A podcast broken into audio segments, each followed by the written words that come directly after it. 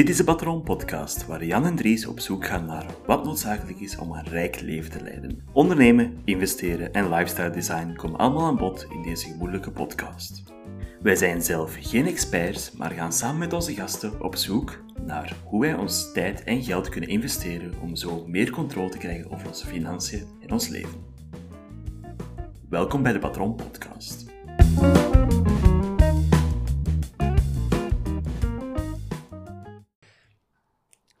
Welkom bij de eerste aflevering van 2022 van de Patron Podcast.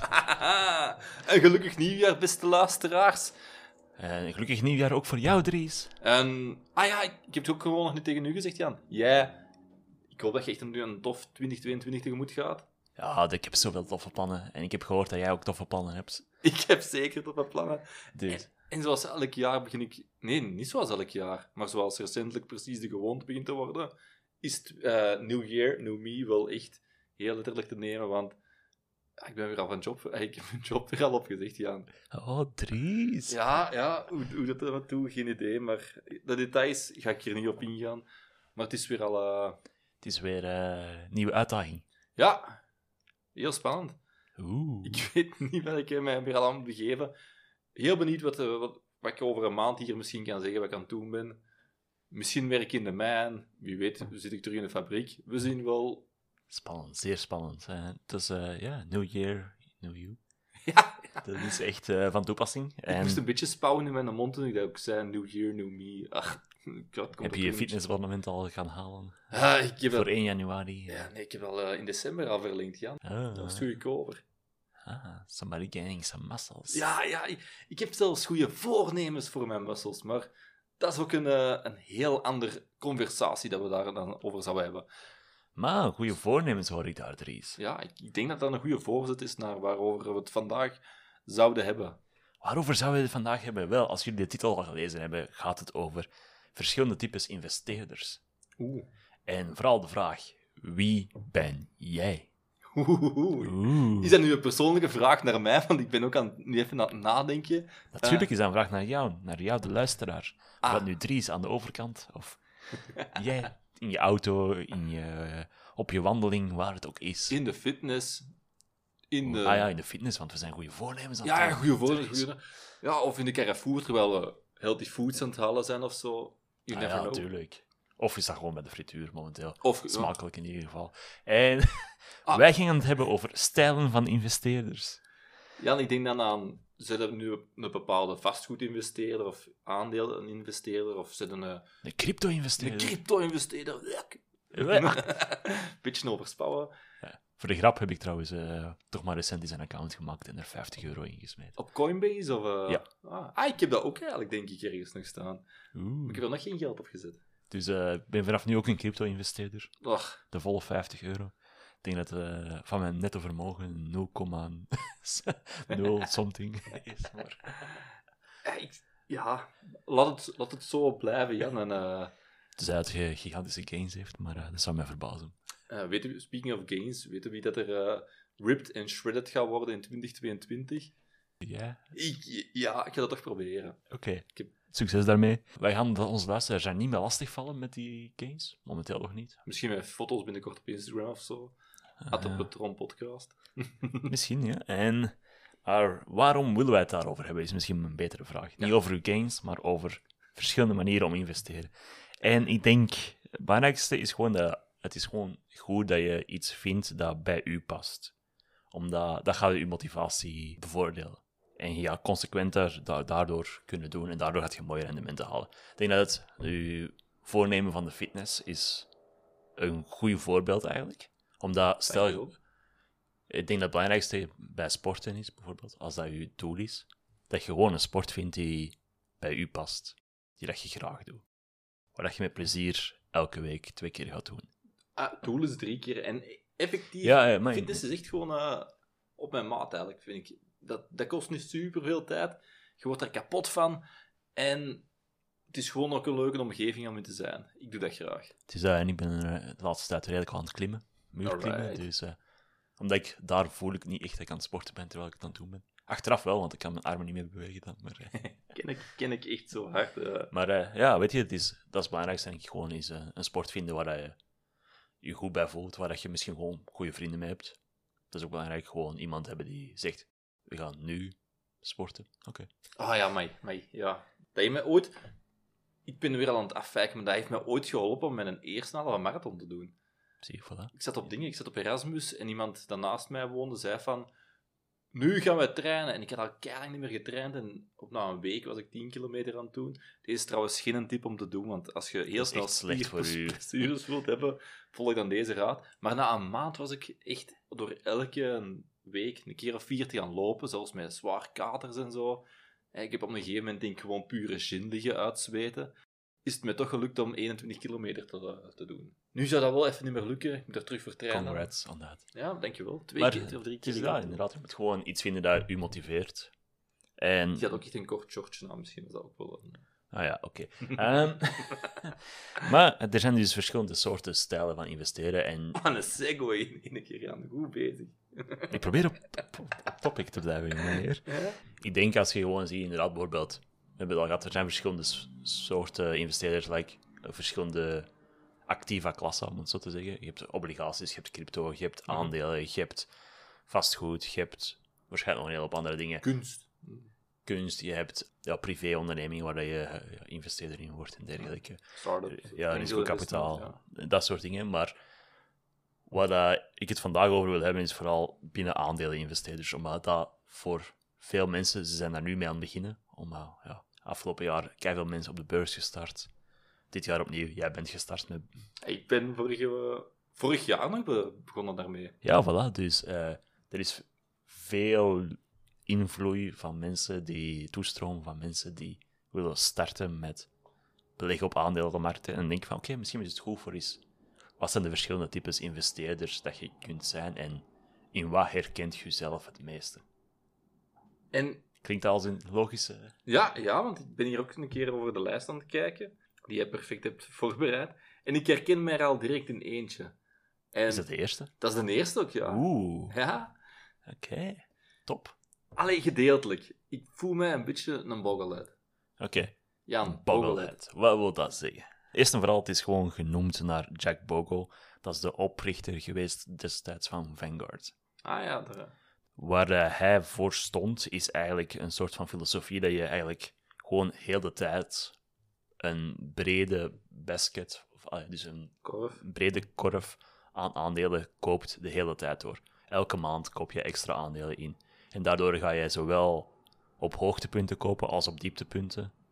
Stel dat je elke maand 500 euro kan inleggen, is gewoon januari 500 euro, februari 500 euro, maart 500 euro. Gewoon de hele tijd door.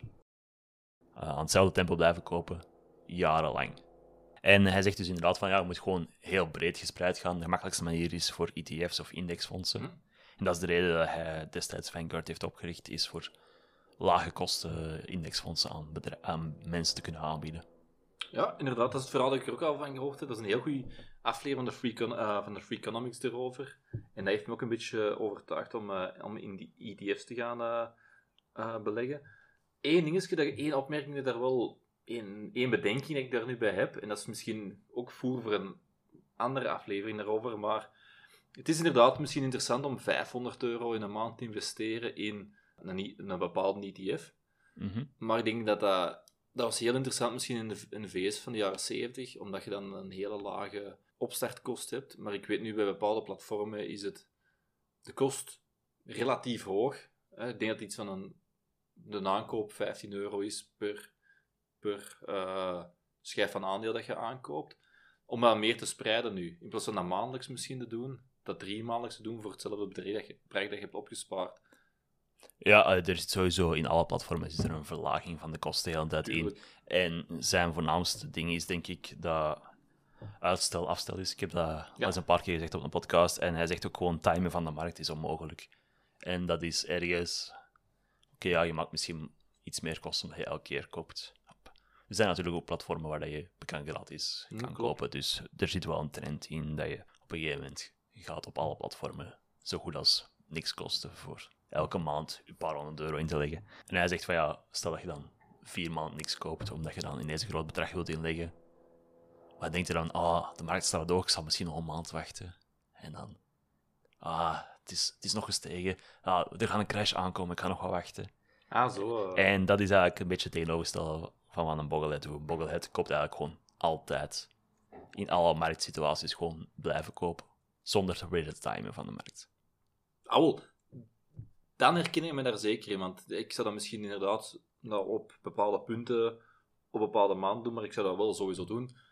Net omdat eh, het argument is inderdaad, het is onmogelijk om eh, te kunnen zeggen wat de markt gaat doen. Eh, dus Ja, want uiteindelijk... ik ben destijds ingestapt met, tijdens de pandemie met ook een klein bedrag. Mhm. En ik dacht ook van, dit, is, dit gaat gewoon wel lager zakken. En dan bleek dat dat nog vrij stabiel te zijn, ineens omhoog te schieten. En zo, oké. En dan denk je van, oké, ja. Voor hetzelfde geld heb ik zo gezegd van, oh, ik ga niet nog meer bij inleggen. En dan, ondertussen staan we nog 30% hoger, minstens. Ik denk van mijn laatste inleg alleen sta ik denk 20% hoger. Fucking hell. eh, oh ja. omdat ik nu aan het sparen ben voor iets anders. Maar het is wel... 20%. de- Dus dan denk je nee, van, oké, zelfs toen dacht ik al van, dit is heel hoog en gaat dit wel blijven stijgen. En oh, ik zal even wachten voor de, dat de markt zakt. En dan blijkt dat niet het geval te zijn. Ah, ja, zoveel beter bij mij, want ik zit er natuurlijk in. Ik zit op de rollercoaster, maar ik heb mijn ticketje gekocht. ik, ik heb ook een ticketje aangeschaft, maar bij mij zit de rollercoaster al bijna... Is het al een pak hoger dan dat bij u stond. Dat wil zeggen dat het bij mij geen 20% is, maar... Op een, wat ik ook nog wel best af ben, op een paar...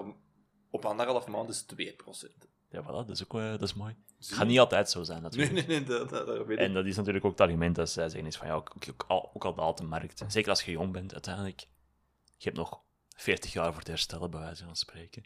Dus zijn filosofie is gewoon, je blijft kopen de hele tijd. En het gaat, kans is bijvoorbeeld heel groot dat er nu een flat decade aankomt, dat wil zeggen een, een tiental jaren waar de markt niet echt gaat stijgen. Gewoon stabiel blijft, relatief. Omdat er nu al de markt al zoveel gestegen is. Dat is wat een deel van de filosofie dat momenteel naar boven aan het komen is voor 2022. Is dit een lost decade or not? Hij zegt ook gewoon, blijft gewoon heel tijd kopen. Nou, want we, want we kunnen die nagel we kunnen blijven slagen. We weten niet. Nee, We weten niet wat er eh, zit aan te komen. het is dat en het is gewoon heel moeilijk voor te zeggen, oké, dit is nu... Want je, je weet niet wat er gebeurt. Je denkt soms, de raarste dingen zijn gebeurd en de markt is blijven stijgen. Trump was verkozen. Een gek die verkozen was en dan zo, oké, niks speciaal. Ja, Michael van Peel heeft er ook een zalige sketch ook over gemaakt. eh, over, eh, als je weet, eh, hij had echt toen gehoopt dat hij had geïnvesteerd in zo'n bedrijven, like Boeing en eh, dingen, ja, eh, geweerbedrijven en zo, maar ik kan er niet direct op komen, maar die zijn echt met 300% op een gegeven moment gestegen. Ik dacht van, what the Ja, en dat is specifieke bedrijven natuurlijk. En dat is bijvoorbeeld wat de volgende persoon wel doet. Niet de bogglehead die de hele markt koopt, maar de waarde-investeerder of de value investor. Oeh. Fancy titel. Ik vind het wel een coole titel. En ook de persoon dat eronder staat, daar, ik vind dat een zalige naam gewoon. ook. Warren Buffett. Ik dacht altijd, ja, ik, ja, dat is een stoem mopje, maar toen ik die naam van de eerste keer hoorde, ik heb dat misschien hier al gezegd, moet ik altijd aan een warm buffet denken, aan Lunch Garden. En dat blijft gewoon terugkomen. Dat is altijd, ah, warm buffet is het. Ah, oké, eh, sorry. ik kan maar verder met mijn uitleg gaan, maar ik, ik zal maar blijven lachen met warm buffet. Dus wat doet iemand als een Warren Buffett bijvoorbeeld? Die, die zoekt gewoon ondergewaardeerde bedrijven. En je koopt deze tot als deze niet meer ondergewaardeerd zijn. Dus hoe doe je dat? Dat is door het opvolgen van jaarrekeningen, eh balansen leren lezen. Veel onderzoek doen, vergelijken met andere bedrijven in die sector en dan zien we, deze bedrijf is eigenlijk goed bezig. Het is gewoon door de markt verkeerd op eh, verstaan momenteel. Ik ga dat nu kopen in de... En ik ga gewoon het is, Warren Buffett is ook altijd wel een buy and hold geweest. Dus hij blijft ook gewoon kopen. Totdat hij vindt van, oké, ja, het is niet meer echt ondergewaardeerd tot, in verhouding tot de volledige markt. Dat snap ik niet helemaal. Kunnen, want ik weet dat Ehm. het in Coca-Cola en zo zit. Ik weet het in... eh, Ja, dus wat hij bijvoorbeeld vaak doet, is... Stel dat heel de markt gemiddeld gezien 20 keer de koerswinstverhouding is.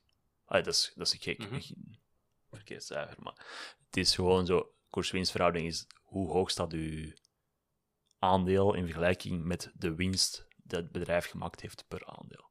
Oké. Dus stel dat je 20 keer de, de winst, dat dat je waarde is, dan uh, haal je ongeveer een rendement van 5% of zo Mhm. in, in dividend. Even abstractie makende van dividendbelasting en al dat soort shit. maar hij zegt van, oké, ja, dus als heel de markt gemiddeld 20 keer, en dan zie je hier dit bedrijf dat aan het groeien is, er zit, die hebben veel expertise, die kunnen echt hun product goed verkopen, en dat is maar 10 keer de PI, dus koers over winst, dan heb je eigenlijk 10% rendement. Omdat als zij een dividend zouden uitbetalen, krijg je dan eigenlijk 10% rendement op je geïnvesteerd vermogen. Mooi, wij, wij. Ja, ja. Dat is natuurlijk heel, heel mooi en het is natuurlijk waarom betalen bedrijven soms zo'n hoge percentage uit, hangt, van een hele hoop factoren uit.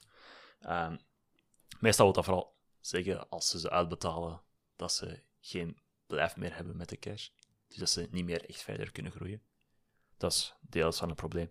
Maar, dus je moet niet alleen naar de percentages kijken. En het is echt wel een, dit is, voor mij is waarde-investeerder zijn is wel de essentie van investeren, maar het is zo gecompliceerd. Is, er zijn zoveel factoren waar dat je moet rekening houden. Dat maakt het zoveel moeilijker dan de bogglehead eh, dingen. Maar ik vind het wel heel interessant voor zelf ook te doen. Ja, ik snap, ik snap het, maar ik snap dat je dat, je dat interessant vindt en de manier waarop, waar, de reden ook, waarom snap ik, maar ik ben er altijd maar 80% mee met het concept, dus ik ga, mijn, eh, ik ga niet investeren in dingen dat ik niet snap, dus ik ga daar wel Ja, ja. van thuis houden. Ik denk dat dat ook voor de meeste mensen, mensen eh, de juiste aanpak is. Denk sowieso in het begin mocht je ook niet te veel concentratie in één bedrijf hebben. Dus je moet, anders moet je al twintig bedrijven beginnen vinden die dat je ondergewaardeerd zijn en die allemaal beginnen kopen in bepaalde percentages. Ik denk dat de bogglehead in- is gewoon één ETF kopen of meerdere ETF's kopen en gewoon boom, al je geld daarin, klaar. Dat is, Dus, dat is je kunt mijn- verder, dat je kunt, truc, ja. je kunt ja. verder gaan met je leven. Dit, is, dit kost heel veel tijd en moeite. En dat is zeker in het begin niet altijd waard. Omdat, stel, stel jij vindt het meest perfecte aandeel dat je kunt vinden en je steekt er 10.000 euro in. En je hypothese is waar en twee jaar later is dat 15.000 waard. Dan heb je een goed rendement gehaald, maar dan heb je ook maar 5.000 euro rendement gehaald. Stel dat je daar 200 uur mee bezig geweest Ja. voor dat uit te zoeken. En dan, terwijl dat de algemene markt misschien ook 20% omhoog gaat. En dan denk je van, ja, dit is eigenlijk maar een minimumloon dat ik aan het verdienen ben. Door, ja, en dat is toch goed uitgedraaid.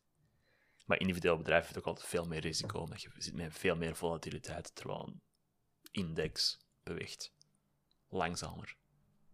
Dat is de reden waarom ik daar juist in investeer. Ja. En omdat ik gewoon, ja... Misschien hebben we daar eens een keer een gast over moeten regelen dat mij eens duidelijk gaat uitleggen. Want ik ben... Ik heb de gist en ik weet dat het niet voor mij is, maar misschien dat iemand mij kan overtuigen en zeggen van, nee, nee, nee. Steek al uw geld maar in Kinepolis om deze en deze redenen. Of steek al uw geld maar in GameStop. Het is, eh, Voorlopig lijkt deze niet mijn profiel. En ik ken u een beetje, dat lijkt mij ook niet uw core investment strategy. Nee, nee. Ik denk in het begin was dat voor mij wel een beetje. Omdat zo, ik ben beginnen kopen toen het echt zo heel de markt naar beneden aan het storten Nee. was. En In toen ik... 2020 of in 2008? 2020, Oké. ja. En maar hetgeen wat je dan merkte was ook zo... Oké, ja, ik kan hier heel de markt beginnen kopen, maar ik weet niet wat heel de markt gaat doen nu nog. Gaat de paniek zich blijven verder zitten? Of niet? En dan was ik gewoon beginnen zien dat, oké, welke bedrijven gaan het wel goed doen in deze omstandigheden, in zijn de corona. En, want ik wist niet hoe lang, ja, hoe lang gaat de chaos blijven duren. En toen ben ik zo in een B-post en een PostNL beginnen Ah, ja. stappen, die op dat moment al 40% van hun waarde verloren hadden. Terwijl, je moet je inbeelden, op dat moment is de concurrentie van B-post en PostNL geëlimineerd. Zijn de reguliere winkels. Mhm. Want dat was toen de 2020 verliefde pandemie, alles was dicht. Het mocht enkel nog thuis geleverd worden. Och, ja. Kun je inbeelden, een overheid zegt: Ah ja, al die concurrenten zijn verboden en uw aandelenprijs zakt met 40%.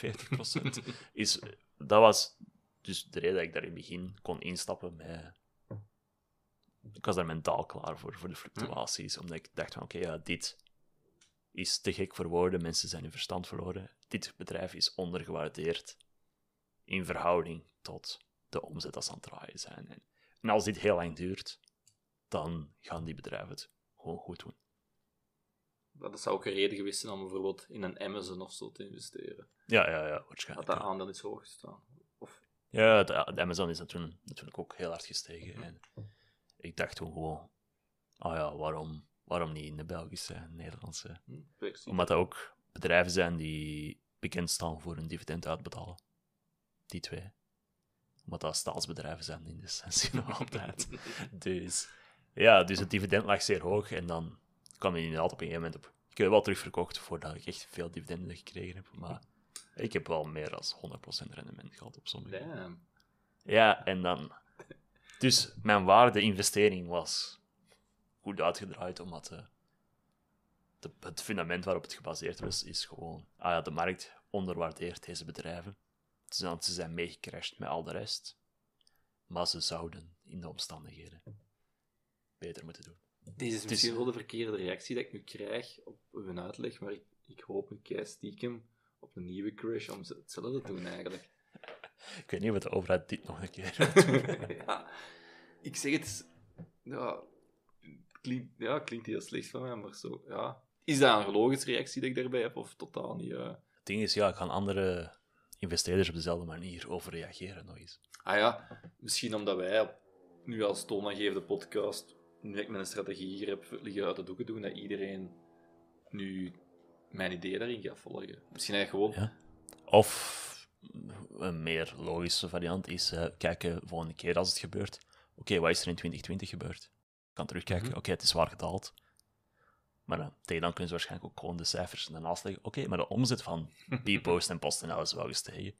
Dus nu, doordat investeerders kunnen al gewoon de twee naast elkaar leggen en zien, oké, ja, dat soort omstandigheden zorgt voor dat soort resultaat. Dus we gaan niet overreageren. Oké, ja. Dus dat is de reden dat ik ook wel gewoon vrij durf zeggen van oké, dat is de reden dat ik geïnvesteerd heb toen. Is want dat, is een once in a lifetime and it's gone. En Ik weet het nog, want je hebt mij toen liggen zeggen van, doe dat, doe dat, doe dat. En ik zei, ja, ik ga dat doen, ik ga dat doen. En wat heb ik gedaan? Pff, juist niks. En ik kan mij, nu dat ik het u hoor, dat je zegt 100% rendement, kan ik me echt wel wel voor mijn kop slagen, eigenlijk. Ja. ja, ja, ja. Maar dus ik probeer. Het probleem was toen ook wel, ja, ik had, ik had, ik had vier bedrijven of zo op een gegeven moment. Maar dat is ook maar. Dat is, zelfs dan is dat nog altijd een heel slechte diversificatie in die portefeuille. Dus die ETF's zijn ook gewoon logischer. Je geeft- krijgt veel minder koppen van ETF's in mijn persoonlijke. dus dat is de reden dat ik ook veel meer naar Bogglehead dan naar waarde-investeerder ga. Maar ik denk wel, in onzekere tijden kun je wel deels waarde-investeerder zijn. Dat dat... Er gaat altijd wel waarde in zitten en ik vind het ook wel belangrijk voor nu te leren wat ik zou doen in sommige omstandigheden. Als ik dan ooit eens echt voltijds investeerder zou zijn, kan ik tegen dan wel deftig waarde-investeringen doen. Ik, ik Want ik vind het wel interessant. En ik, ik, dat is het probleem natuurlijk. Je moet, je moet wel veel leren. Je moet wel leren hoe analyseert je een bedrijf. Wat zijn PE-ratios? Wat zijn eh EBITDA? Wat zijn... We gaan, het zijn allemaal van die woorden die... Wat zijn beta-waarden?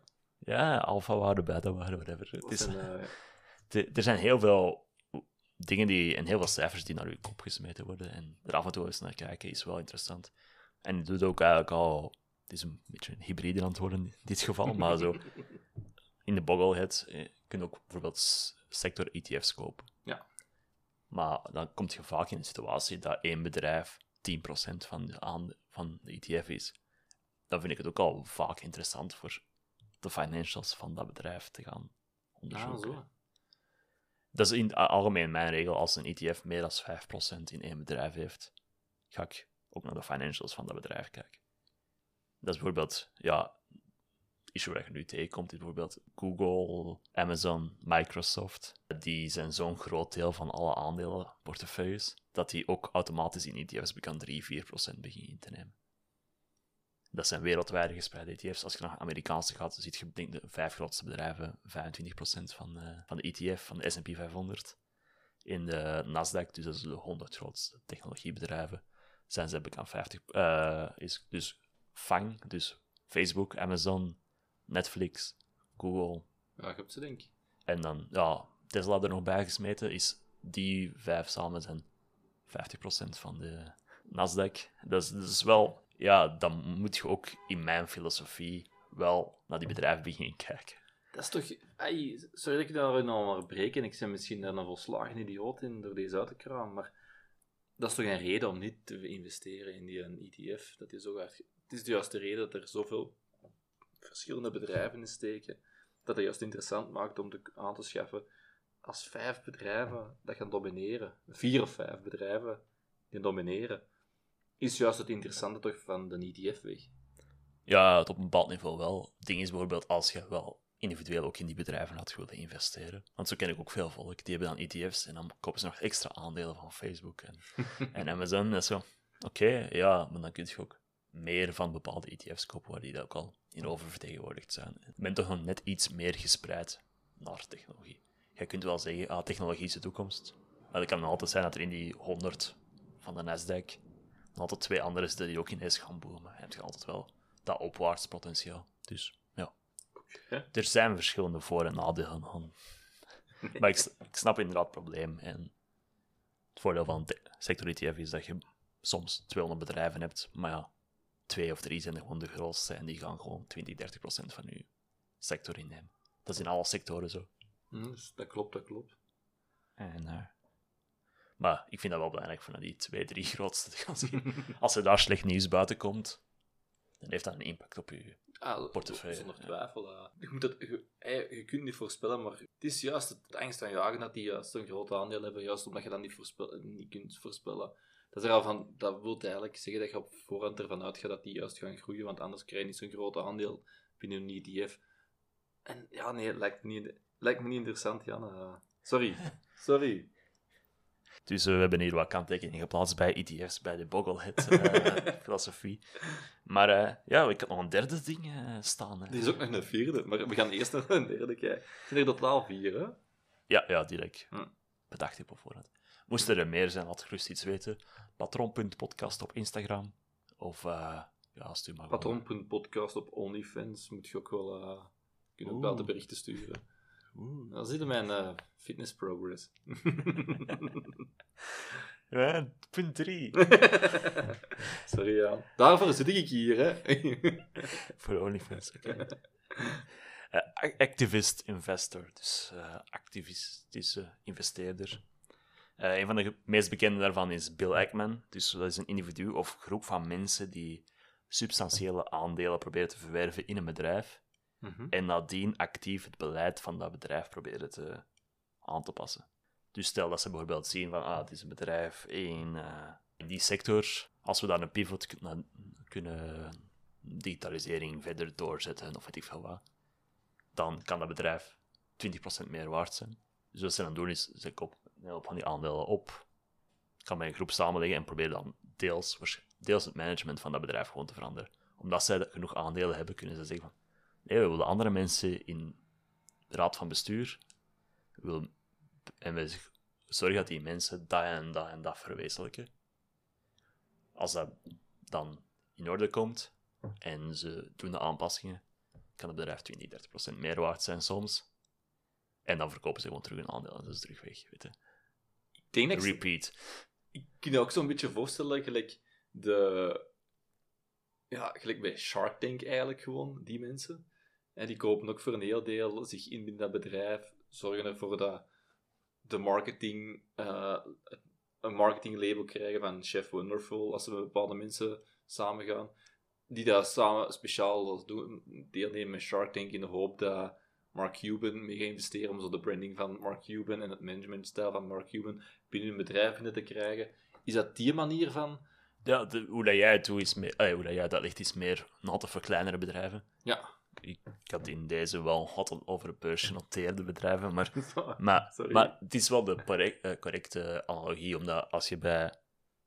Dus misschien ook voor ons op een gegeven moment, eh, als je, als je wilt investeren in een klein bedrijf, als je ziet van oké, ja, ik kan daar actief iets aanpassen in dat bedrijf, en dat kan zorgen dat de winstmarge van 2% naar 3% gaat, dan stijgt eigenlijk het rendement van je investering met 50%. Dat is de facto dat er aan toe gaat. En dan, eh, dat kan op een hele hoop andere ma- manieren gebeuren. En dat is soms de reden dat dat een slechte naam heeft. Ah, wel, dat Wat vaak met herstructureringen te maken heeft. Ah, oké. Dat is de... Daar moet toch... Dat klinkt alleen maar positief eigenlijk, van oh, hey, nieuw, nieuw geld, nieuw instroom, maar er moet ook toch...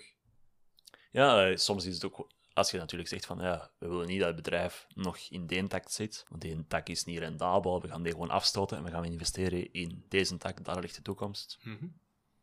Ja, wat doe je met al die andere mensen in deel 1 dat je wou afstoten of verkopen aan iemand anders? Ja, dus dat is de reden dat dat vaak een slechte naam heeft, omdat dat, ja, het is niet, niet altijd een leuk nieuws voor te brengen natuurlijk. Nee, maar dat, dat hoeft toch ook niet per se daarmee samen te gaan, die herstructurering? Of is Nee. dat iets dat consequent daarbij voorkomt? Nee, dat is, dat is gewoon iets dat regelmatig voorkomt. Maar, maar het is afhankelijk van het bedrijf dat je. En het is natuurlijk gemakkelijker voor hun, voor een groot aandeel van een bedrijf, te bemachtigen als dat bedrijf het gewoon niet goed doet. Omdat dan, ja, het aandeel gaat dan laag staan, dus dan gaan zij gewoon zich massaal gemakkelijk kunnen inkopen. Omdat investeerders toch van hun aandeel afvullen. Ah, die bedrijf is toch slecht aan het doen, pak mijn aandelen maar. Op een gegeven moment dat ze gewoon een aandeel hebben, gaan ze zeggen van, we gaan dat deel buiten smijten, dat is niet rendabel, en dat deel buiten smijten. En nu is dat terug een rendabel bedrijf. En ik kan nu naar de buitenwereld stappen, kijk, ons bedrijf is terug rendabel. Ja. Koop onze aandelen van ons terug over. En, eh, Maar, eh versta me niet verkeerd. Ik, met deze ben ik mee, deze snap ik. het, is, Eh, want het is moeilijker voor...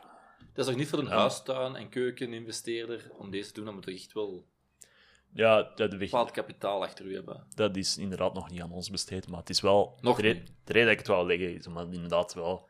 Stel dat je een kleine investering doet bij... Allee, stel dat iemand van uw vrienden een onderneming start voor 20.000 euro en je legt daar 2000 euro in. Ah ja, dan kun je wel activist investor worden. Door daar gewoon een klein beetje te helpen links en rechts en te zien van, ah ja, kan ik dat beter maken? Hoe kan ik u helpen? En actief deel te nemen aan het denken, op zijn minst. Dat is een kei... Ik vind eigenlijk gewoon een keigoed idee. zeg. Eigenlijk, dat kan mijn volgende job zijn, eigenlijk gewoon. Ja, ja. Ik Ik, kan weet gewoon niet welk activist- businessadvies van u moet houden. Ja, marketing... eh, Ja, natuurlijk, ja.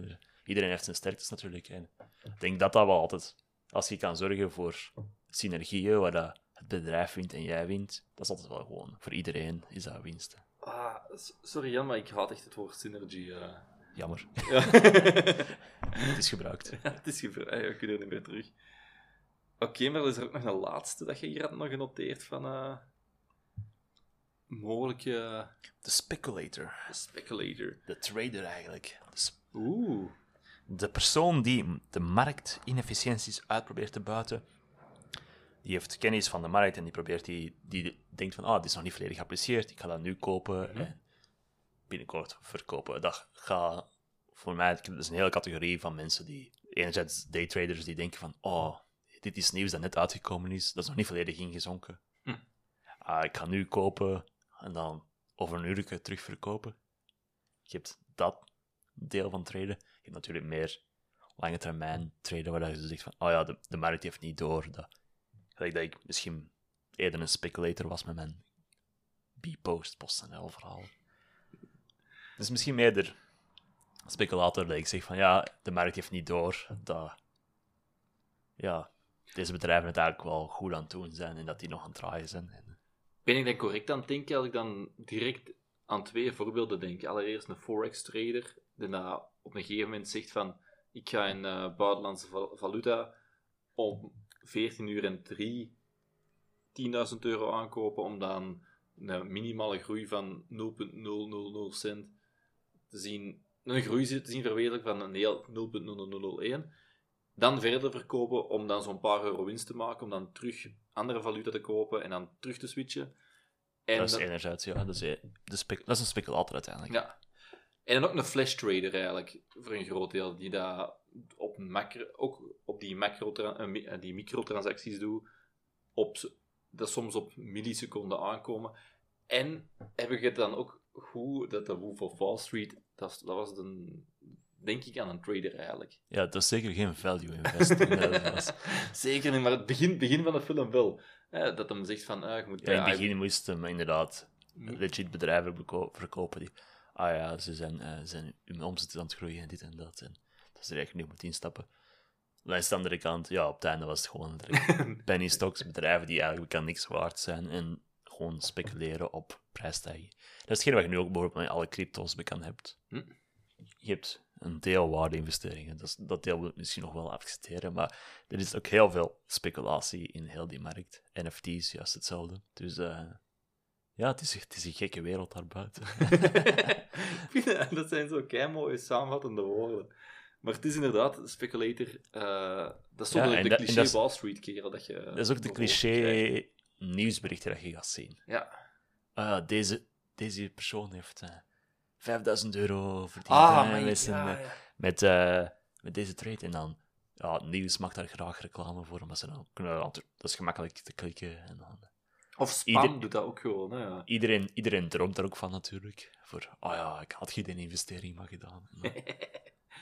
Of, of zo de, de diepste spam dat je krijgt. Zo, deze huisvrouw uit Lier verdient 3000 euro per dag van haar, van haar thuis door te investeren in dit product. En dan klikt hij daarop en dan zitten zo de virussen. ah, jij klinkt daarop. Ja, ik heb daar al een keer op geklikt. eh huisvrouwen in Lier, dat trekt mijn ogen aan.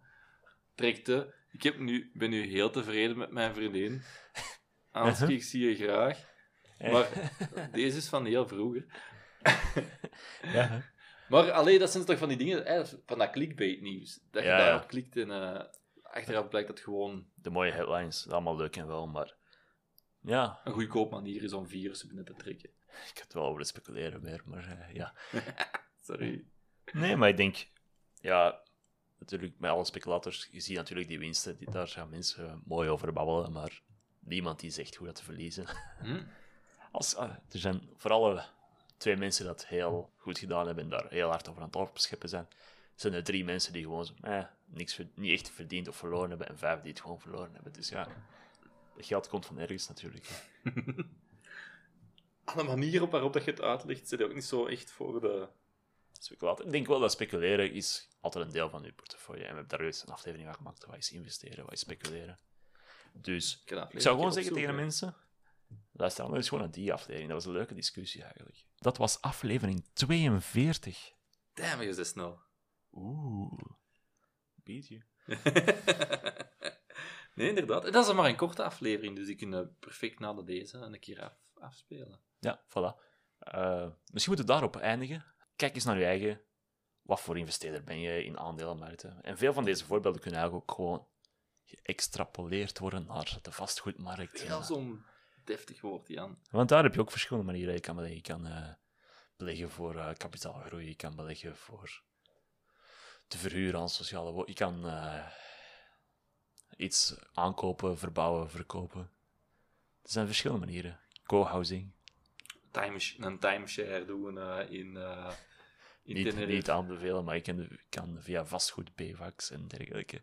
Er zijn heel veel constructies mogelijk ook in die wereld. Dus eh, ja, kijk eens naar jezelf. Hoe zou jij jezelf zien investeren? Is dat als bogglehead heel de markt kopend? Heel de tijd? Bogglehead, Bogglehead. Is dat eh, als waardeinvesteerder, zoals Warren Buffett, ondergewaardeerde bedrijven opzoeken? Ik hoop deze tot deze niet meer ondergewaardeerd zijn. En dan verkoop je ze terug. Of hou je ze voor de hele tijd. Ben je een activist investor waar je probeert, een- in ons geval waarschijnlijk nog een klein bedrijfje, de juiste kant op te duwen? Of ben je een speculator die vooral hoopt op korte termijn prijsstijgingen? Of dalingen? Ga mijn ding... Nee, dat is mijn ding. Maar Ja. maak vooral zelf de conclusie en... Dan zien wij jullie volgende keer terug. ja. Of horen. Horen. Ik zie jou de volgende keer terug. En zij horen ons. Tot de volgende. Beste wensen voor 2022. En ja... Yo. Bye bye.